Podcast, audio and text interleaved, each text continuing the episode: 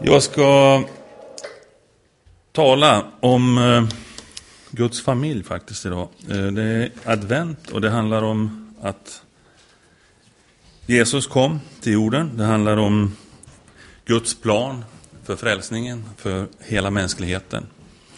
När vi lever i adventstid, så är det. Eh, och ja, alltså poängen med oss människor, vad är den egentligen? Varför finns vi här? Varför går vi på den här jorden? Varför kom vi till? Eh, vad, har, vad har Gud för idé med oss? Och vad har han tänkt ut egentligen från början och till slut?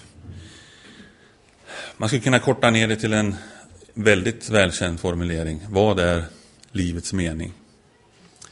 Den finns ju på de flesta språk, den meningen. För det är något som sysselsätter naturligtvis var och varannan människa på jorden. Förr eller senare, ofta eller sällan, men den finns där. Han har kallat oss och när vi vet att om vi nu lyssnar på det Bibeln säger, vilket vi gör i en sån här kyrka, och tror på det som står där, eh, och då är det därför vi utgår ifrån det. Du som lyssnar kanske tänker att eh, jag tror inte ett dugg på det och det har du naturligtvis din fulla rätt att tänka och tycka så, självklart. Eh, men du får på något sätt ställa in det på att det, det vi predikar utifrån det är Bibeln och från Guds ord och det som står där och det vi tror på. Eh, och då vill jag säga så här att Gud han började väldigt, väldigt tidigt med sin frälsningsplan för oss människor. Eh, vi vet utifrån vad som står i bibelordet att Gud skapade människan till jorden. Han skapade jorden först med allt som finns på den. Och så kom människan som kronan på verket. Och vi vet att det kom något som vi kallar för syndafallet, när människan valde att vända sig bort ifrån Gud. Och redan där direkt så svarar Gud med att tala om att han har en frälsningsplan. Jag ska minsann se till att det blir bra igen.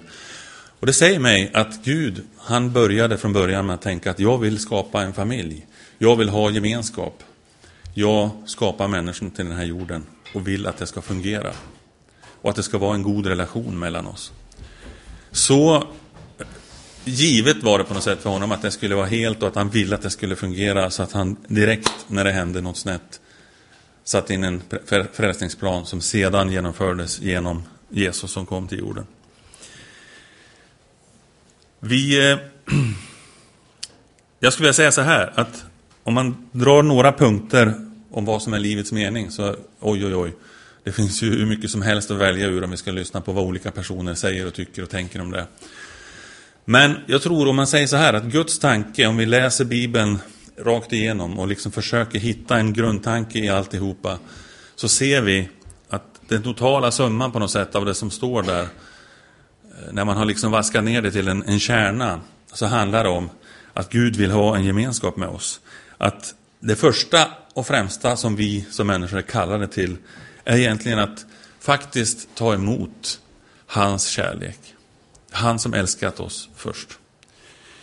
Eh, det första för oss är inte att vi ska se till att uträtta någonting, att eh, se till att lyckas på olika områden och, och tillfredsställa Gud på olika sätt genom att eh, ja, prestera ett eller annat. Utan det handlar om att ta emot den kärlek som han har för oss. Det är det första du alltid kommer att kunna landa i. Sen finns det fler steg kan man tänka när man har blivit en kristen eller när man har tagit emot den här kärleken, när man har lyssnat på, på Jesus och faktiskt upplevt i sitt liv och i sitt hjärta liksom, att det här är någonting för mig, det här funkar. Det finns en kärlek, det finns en glädje, det finns någonting som Jesus ger mig och som Gud är med och förmedlar. Ja, då blir det spännande. Det kan bli spännande, det kan bli väldigt tråkigt om man väljer att inte liksom lyfta det vidare in i nästa nivå på något sätt. Men en sak som kommer för mig när jag läser bibelordet på andra plats. Det första är alltså att ta emot kärleken ifrån honom. Och det andra handlar om att tillhöra hans familj. Att vara en sån som, som är en del av Guds familj. Guds familj som eh, många gånger liknas vid olika ja, saker som, som eh, uttrycks i Bibeln. Eh, ett bygge, en familj, församling, kyrka översätts det ofta med i ny, nyare svenska översättningar. Eh, det är det är alltså ett, eh, ett uttryck som på något sätt visar oss hur vi hör ihop. Kroppen är en bild för Guds församling. Husbygget som jag sa. Alltså många saker som, som visar på att vi hör ihop, vi är olika delar av kroppen. Eh, men vi hör, hör samman och det är då först det får sin riktiga funktion. Och man kan inte tänka sig att Nej, men jag ska vara utanför det här. Jag kan ha min egen lilla värld tillsammans med Gud. Ja, eh, klart. Sitter du någonstans i en djungel och inte finns en annan människa där så är det ju svårt att hitta en annan gemenskap med kristna. Då är det ju ganska naturligt att du blir ganska, ganska själv. Men har du möjlighet och närhet på något sätt till Guds församling i någon form så sök dig till den. Se till att du är en del av den. Det är en av de viktigaste bitarna faktiskt. Vi vill hjälpa människor till livet med Jesus genom att leva nära Gud, genom att leva nära varandra och nära samhället.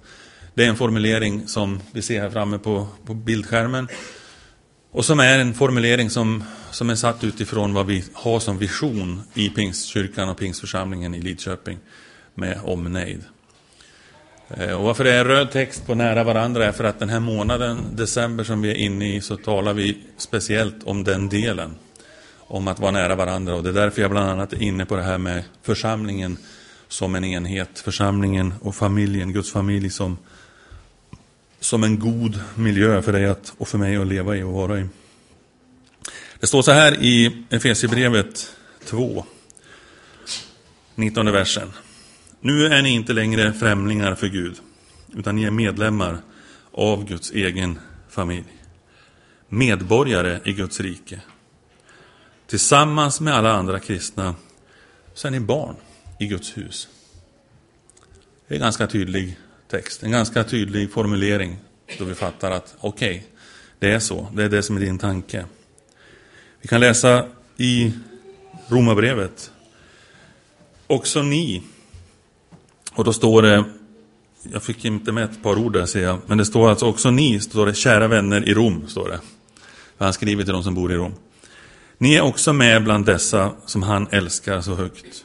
Ni har också blivit kallade av Jesus Kristus att bli Guds barn. Det här är en enkel sanning kan man tycka. Det här är ett enkelt påstående att Gud älskar dig. Att han vill att du ska vara en del av hans gemenskap.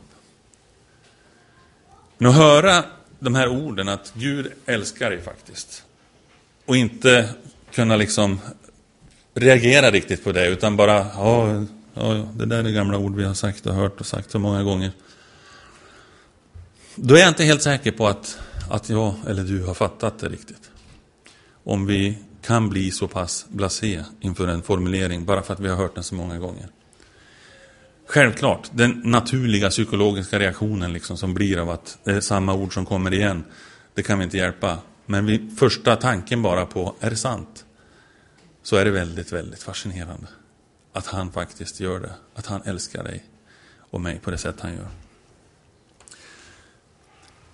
Ett eh, ganska vanligt problem i samhället idag det är att många, inte bara unga, men många unga men även, även eh, längre upp i åldrarna har vad man brukar kalla identitetsproblem.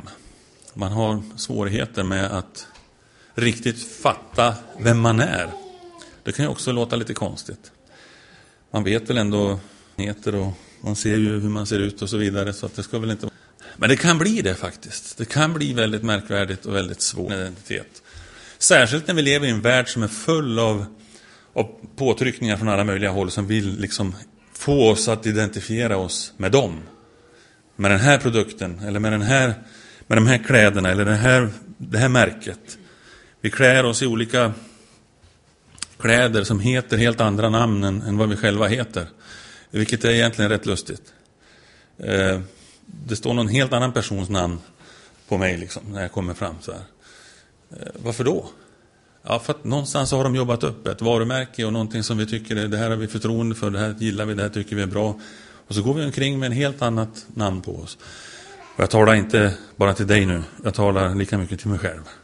Jag har ett antal plagg på mig ibland som, jag ja inte samtidigt, men, men som hänger där hemma i garderoberna med olika personers namn som har designat eller gjort i ordning det här klädesplagget av ett eller annat skäl. Men det är inte bara där det finns. Jag kom på att man måste ta med andra världs, eller områden här i världen också. Eh, där har ni inredningsnamn. Alltså. Det finns de som håller på med sånt. Eh, en del har hittat trygghet och identitet i att man har bra prylar eller att man har en fantastisk bil eller någonting som är, som är helt otrolig. Och då är man helt, liksom, man skapar på något sätt sin identitet utifrån det. Det är så här att relationer egentligen är betydligt starkare identitetsfaktorer än eh, prylar och grejer som vi strör omkring oss eller som vi, hus som vi bor i eller någonting. Relationer till andra människor skapar och identifierar oss betydligt mer och betydligt tydligare egentligen. Jag skulle kunna säga att jag är, jag är en son. Jag, har varit och är en son. Jag, framförallt har jag väl varit det. Jag har inte mina föräldrar kvar i livet längre. Men eh, det är någonting som jag vet hur det är att vara. Det är något jag har upplevt under många år. Jag är själv pappa också. Det är också en relationsidentifiering med mig. Vem jag är och vad jag är i relation till andra personer. Jag är eh, pastor också. För en del så är jag deras pastor. Som benämner det så. man har svårt att ta till sig sådana grejer i alla lägen. Men det finns de som har sagt så i alla fall. Och då får jag väl tro på dem. Eh, och det, det, är så att ja, jag är farfar. Vad säger ni om det? Det är otroligt egentligen. Men det är sant. Men det är också en relationsidentitet på något sätt för mig. Och det, det är alltså relationerna runt omkring oss, det, stödjer, eh, det liksom skapar en, eh, en identitet som är mycket intressantare och som faktiskt är mer äkta och riktig än vad jag råkar ha för tröja på mig. Den är lite mer kortvarig. Men sen är det också sant att relationerna i min fysiska familj eller släkt här på jorden också är begränsade. Det är inga evighetsrelationer det heller. Det händer saker i livet. Relationer spricker, folk dör och kommer att göra det förr eller senare. Därför att det är så det funkar för oss. Vi lämnar den här jorden och då är inte vi längre en del av den familjen heller. Och då är egentligen inte den identiteten särskilt evig heller. Den identitet och den relation hos oss som är evig, det är ju faktiskt den vi har i Guds församling. Med våra kristna vänner, med våra andra troende syskon. Därför att det är den, det sammanhang och den familj som kommer fortsätta när allt annat. Att jag är, jag är svensk. Ja, det är ju sant. Men Sverige kommer faktiskt inte att bestå. Vill jag det så hjälper inte det. Det är inget evighetsland liksom. Ett, eh, en villasupporter eller någonting. Liksom. Ja visst. Det, förhoppningsvis eh, både i motgång och medgång. Det är inte alla som är heller. En del ger upp redan när det går dåligt. Eh, men eh, om inte annat så kommer Villa att försvinna också en vacker dag. Den här jorden kommer att brinna upp. Den kommer att förgå. Men hans ord kommer aldrig att förgå. Och relationen med Gud, den behöver aldrig förgå för dig. Evigheten finns med honom. Och därför är den relationen och den platsen, det jag sa här i början, att ta emot hans kärlek är det första viktigaste. Det andra, det blir att få tillhöra det eviga sammanhanget, den eviga församlingen. Det är faktiskt så mycket större än vad vi många gånger fattar. Relationer och identiteter som, som blir skadade, det beror ofta på... Det kan vara sådana saker som att en, en människa dör, en, en anhörig dör från en. Och du börjar känna, vem är jag nu egentligen så här? Det kan vara i en relation där en skilsmässa sker. Där någon har levt ihop, eh, ett par har levt ihop i, i 20 år, 30 år, 40 år och så plötsligt står man där och så är man kvar själv och bara funderar, vem är jag egentligen? Därför att mycket har knutits i relationerna till den omgivning man finns i och den man har levt tillsammans med. Och plötsligt blir man jätteosäker på sig själv. Vad är jag för någonting egentligen? Man tror inte det, förrän man upplever det. Det låter jättekonstigt, varför skulle det spela någon roll så? Jag vet inte, men det är så. Du kan prata med ganska många som har gått igenom sådana bitar och höra hur hur man har plötsligt blivit fundersam över vem är jag egentligen? Eh, vi satt ju ihop liksom, vi hörde ju samman. Och det kändes som att där var enheten. Och nu är det inte längre så. Men den biten, den tror jag många människor upplever. Nu pratar jag inte bara om skilsmässor, utan det här med skadade eller svaga relationer.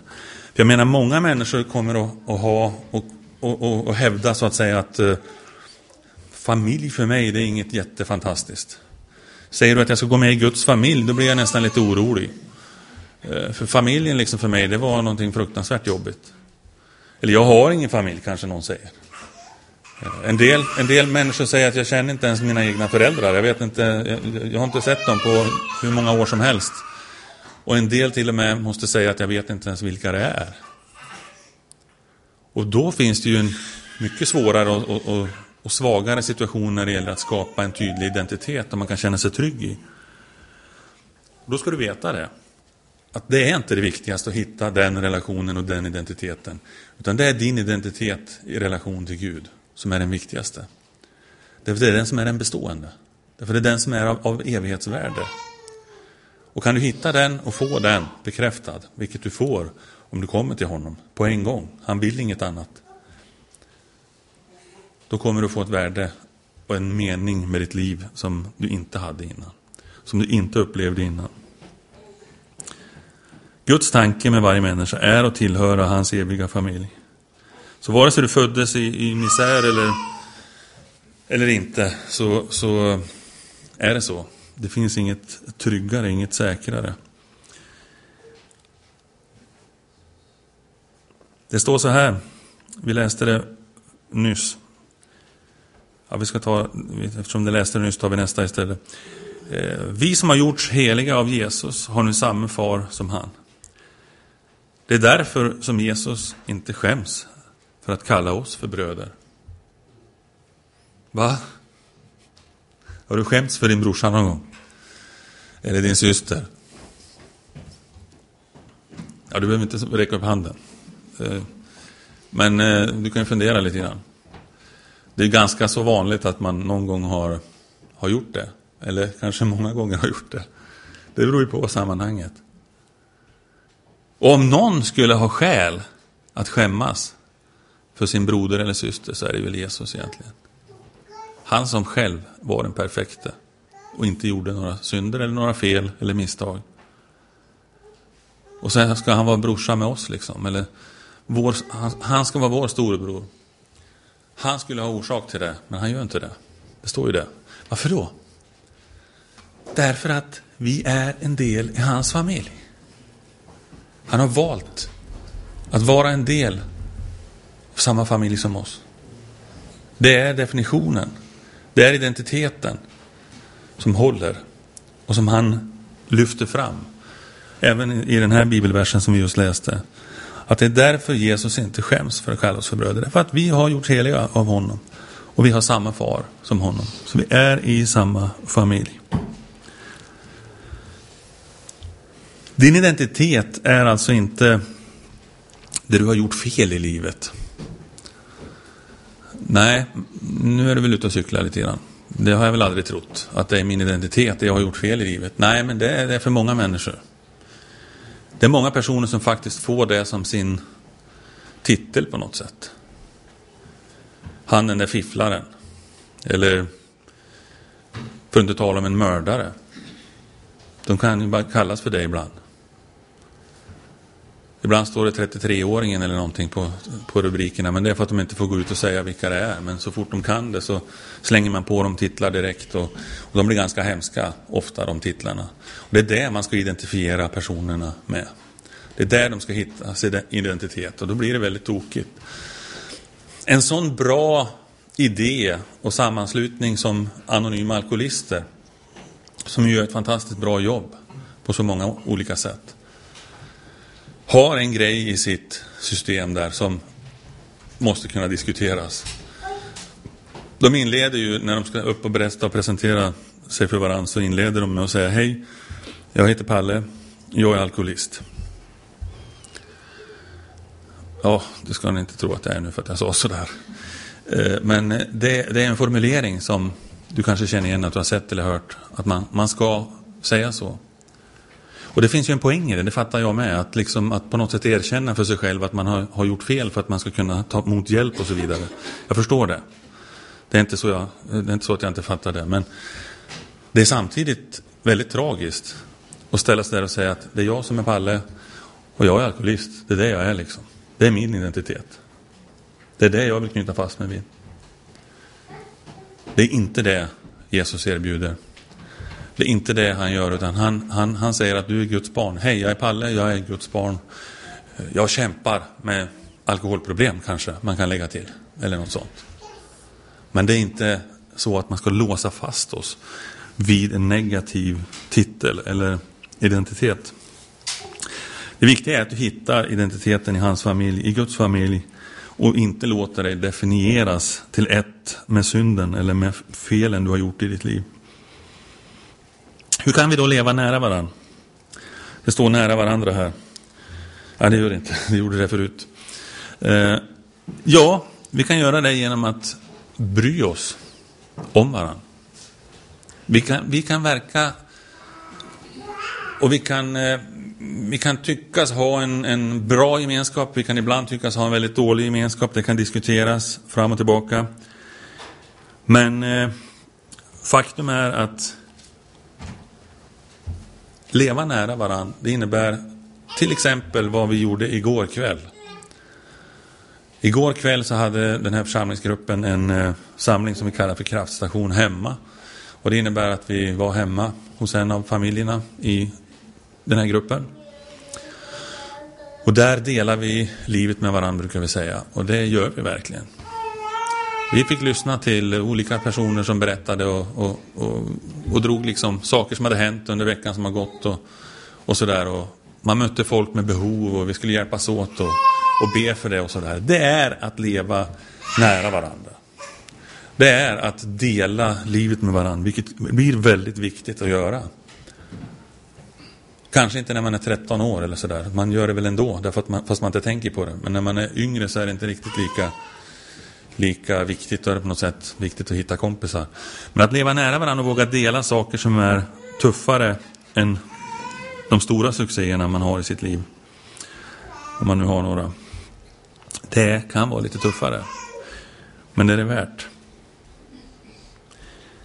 Genom att bry oss och genom att dela livet så kommer vi närmare varandra. Och det kan hända att du säger så här, du som lyssnar. Ja, du visst. Jag har varit med i en kyrka en gång och jag vet ungefär hur bra det var. Eh, det var, hände mig ganska svåra saker men eh, det var ingen som brydde sig direkt i det. Jag hörde inte mycket från dem som var med där i den kyrkan. Så jag tror inte så mycket på, på det där riktigt. Det kan mycket väl vara sant, det du säger. Jag säger inte att det, det kan inte ha hänt. Det kan mycket väl ha hänt att du har upplevt det. Och det är det jag försöker säga just med hela den här predikan egentligen. Vi är bara människor. Vi behöver varandra och vi gör våra misstag och våra fel. Vi är inte perfekta. Vilka hinder finns det för att leva nära varandra? Ett av hindren vill jag kalla för fasader. Vi kan även i en kyrka och i en församling leva med fasader inför varandra. Eller kan även. Det är väldigt vanligt att vi, på grund av att vi är människor och bristfälliga som vi är, så sätter vi upp någon form av fasad som ska se bra ut. Även inom områden där vi vet att det är väldigt jobbigt och svårt och tufft. Och den fasaden kommer att vara med och förstöra för mig i att leva nära varandra som vi har i vår vision. Det kommer att göra det mycket krångligare. Därför att sanningen kommer inte fram. Och när sanningen inte kommer fram, då odlas bara en massa elände av det. Det är inte positivt. Sanningen, alltså man kanske möter varandra och man, man liksom säger Hejsan, hur är det med dig? Hur mår du liksom? Ja, jo visst, jag mår bra. Det är lugnt. Och så vet man att eh, det stämmer inte alls riktigt. Man sa det, men man menar det inte riktigt. Och det är aldrig något gott att bygga en relation på det sättet. Ja, tänker du, men man kan inte stå så, så fort någon frågar hur man mår ska man dra alla problem. Nej, vi behöver inte överdriva åt andra hållet heller och, och, och, och göra det. Men vi behöver kunna öppna oss för svagheter som finns i våra liv. Vi behöver kunna berätta om problem som vi har i våra liv. Gör vi inte det, då kommer det att bli en sån här kallare yta och en sån här mer osann, en falsk attityd och en falsk eh, fasad på något sätt. Och när, när man sitter där och det, du, du har ett kris i, i en relation, äktenskap, problem, då blir det mycket tuffare. Då blir det mycket svårare om man ska dessutom stänga in sig i någon fantasivärld över att allting är perfekt eller att allting är bra. Det kommer inte att, att, att lösa problemen. Att, vara, att liksom sätta upp den, den ytan. Och det kommer också att göra att människor som kan vara intresserade av att söka sig till, till Gud och att få vara med i hans familj som vi talar om här. En del av hans rike. Också får problem därför att man ser att det här, vad är det här för någonting? Det är människor som mer eller mindre hittar på. En falsk fasad, aldrig positiv, någonsin. Fasaderna behöver vi ta bort. När någon säger istället hur är det? Så skulle du kunna svara ja, vi har vår beskärda del just nu som är ganska tuff, men vi jobbar på det. Eh, och vi vill att det ska bli bättre. Och så kanske man söker hjälp någonstans. Man kanske går vidare och försöker prata med människor för att komma någonstans med det. Gör vi inte det så bygger vi en, en, en tidsinställd bomb mer eller mindre. Om det nu är problematiskt i våra relationer. Lyft upp det, våga säga någonting om det. Det var den ena grejen, fasaderna, det är ett av hindren. Ett annat hinder till att vi lever nära varandra, det är andan, tidsandan. Eh, sköt dig själv och skit i andra är ett uttryck som ni säkert har hört ett antal gånger. Varför har vi hört den? Ja, därför att den förfäktas på ett och annat håll. Och menas att det här är lika bra att hålla sig till det. Och det är inte särskilt kärleksfullt egentligen. Och det är inte särskilt eh, positivt det heller. Utan snarare mer egoistiskt att tänka så. Jag sköter mig själv, jag struntar i de andra. För det kan nämligen vara så att andra ser problemen som finns. Första jag sa, det var att man själv har en fasad. Man har sina problem. Men man håller, håller dem utanför. Man, man liksom stänger bort dem. Man, man maskerar dem. Målar upp sig lite snyggare än vad man är egentligen. Och man själv släpper alltså inte ut problemet. Det andra kan vara att från andra hållet står man och vill in och hjälpa till därför att det finns någon som ser att här är det problematiskt. Här behöver de hjälp. Men inte gör det heller. Därför att ah, jag ska sköta mig själv, jag ska inte lägga mig i deras business. Jag kan inte hålla på och liksom vara den som ger mig in. Nej, inte alltid kanske. Jag menar ju inte att vi ska in i något dike här. Men vi ska definitivt inte vara i det diket och vi väljer att sköta oss själva och skita i andra. Det kommer inte att främja oss. Det kommer inte att hjälpa dig, det kommer inte att hjälpa mig. Tredje punkten på hinder för att leva nära, det är tiden. Jag har inte tid att hjälpa andra. Eller jag har inte tid att ta del av andras problem. Och Det kan vara en attityd som är liksom den kaxiga tanken att bara, nej men jag sköter mig själv på samma sätt som jag sa nyss, här, med att sköta sig själv. Men det är inte bara det jag menar, utan det kan vara så att du vill och att du har ett hjärta som är inställt på att hjälpa andra. Du vill verkligen göra det. Men du har inte lyckats hantera tiden riktigt. Utan du är pressad under kalendern pressad slav under allt som måste hinna göras. Och därför så kommer jag inte att få in den här i min, i min kalender. Det kommer också bli en tidsinställd bomb som gör att det rätt vad det är kraschar. Tiden får inte vara ett hinder, men den är det väldigt ofta. En full kalender har förstört många situationer och relationer. Får du veta om en kris där du känner att du kanske behövs? Om du hör någonting om ett ett, en relation eller en, en, eh, någonting där folk behöver din hjälp. Det kan vara flyktingar, det kan vara andra personer i din närhet eller i din släkt eller någonting. Vad är då din första tanke när du hör om problemet? Det kan vara intressant att testa sig själv på det. Vad tänker jag först av allt när jag hör att här finns det problem? Här är det jobbigt för dem. Tänker jag, oj, Det måste jag hjälpa till med. Det här måste jag ta reda på. Eller tänker jag, hjälp. Det här kanske jag, nej men det här kommer inte jag hinna med att få in i mitt schema. Det här får inte plats hos mig. Och jag vet inte vad jag ska säga, jag vet inte vad jag ska, vad jag ska, på vilket sätt jag ska hjälpa till. Nej, så är det ju väldigt ofta, att man inte vet det. Men om du inte väljer att ta tiden och ge chansen genom en åtminstone en försiktig fråga eller fundering om man kan hjälpa till med någonting. Ja, då har du inte gjort något. Du, du kan åtminstone göra någonting genom att närma dig de som behöver din hjälp. Jag har en tid att hålla. Det är något som händer här i eftermiddag. Jag ska dit och jag, jag har det här och jag måste hinna. Och, A, B, C, D, E liksom. Om nu planering med din kalender är så fruktansvärt viktigt. Då har jag ett förslag. Lägg in en timme i veckan.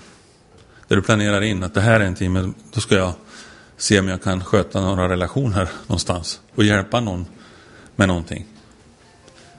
Alltså det är ingen guldlösning, det är inte det jag säger. Men jag säger bara att om det nu är så att du är väldigt tung slav under, under den här exakta planeringen hur dina dagar ska se ut.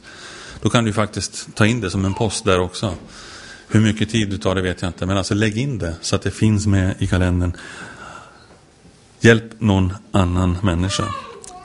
1. Vi kallar det att ta emot hans kärlek. 2. Kalla det att tillhöra hans familj. Tre, fyra, fem.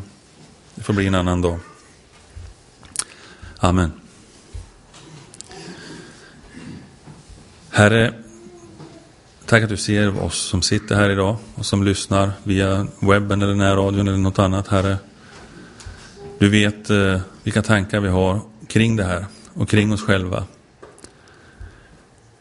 Både du och, och vi vet, Herre, att det finns problem på ett eller annat sätt i allas våra liv. Problem som vi ibland behöver ha hjälp med och som vi behöver komma till någon annan med.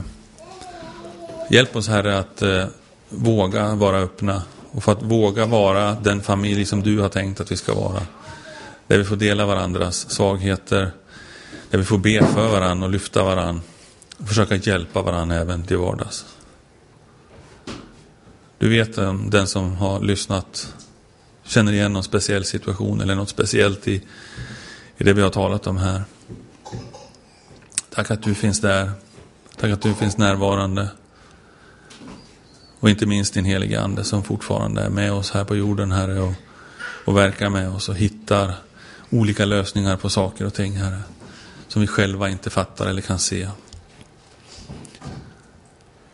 ber för var och en som lyssnar. Att var och en ska våga närma sig dig, våga vara en del av din familj, ditt bygge, din kropp, ditt tempel, Herre. Din trädgård, där du är vinstocken och vi är grenarna. Amen.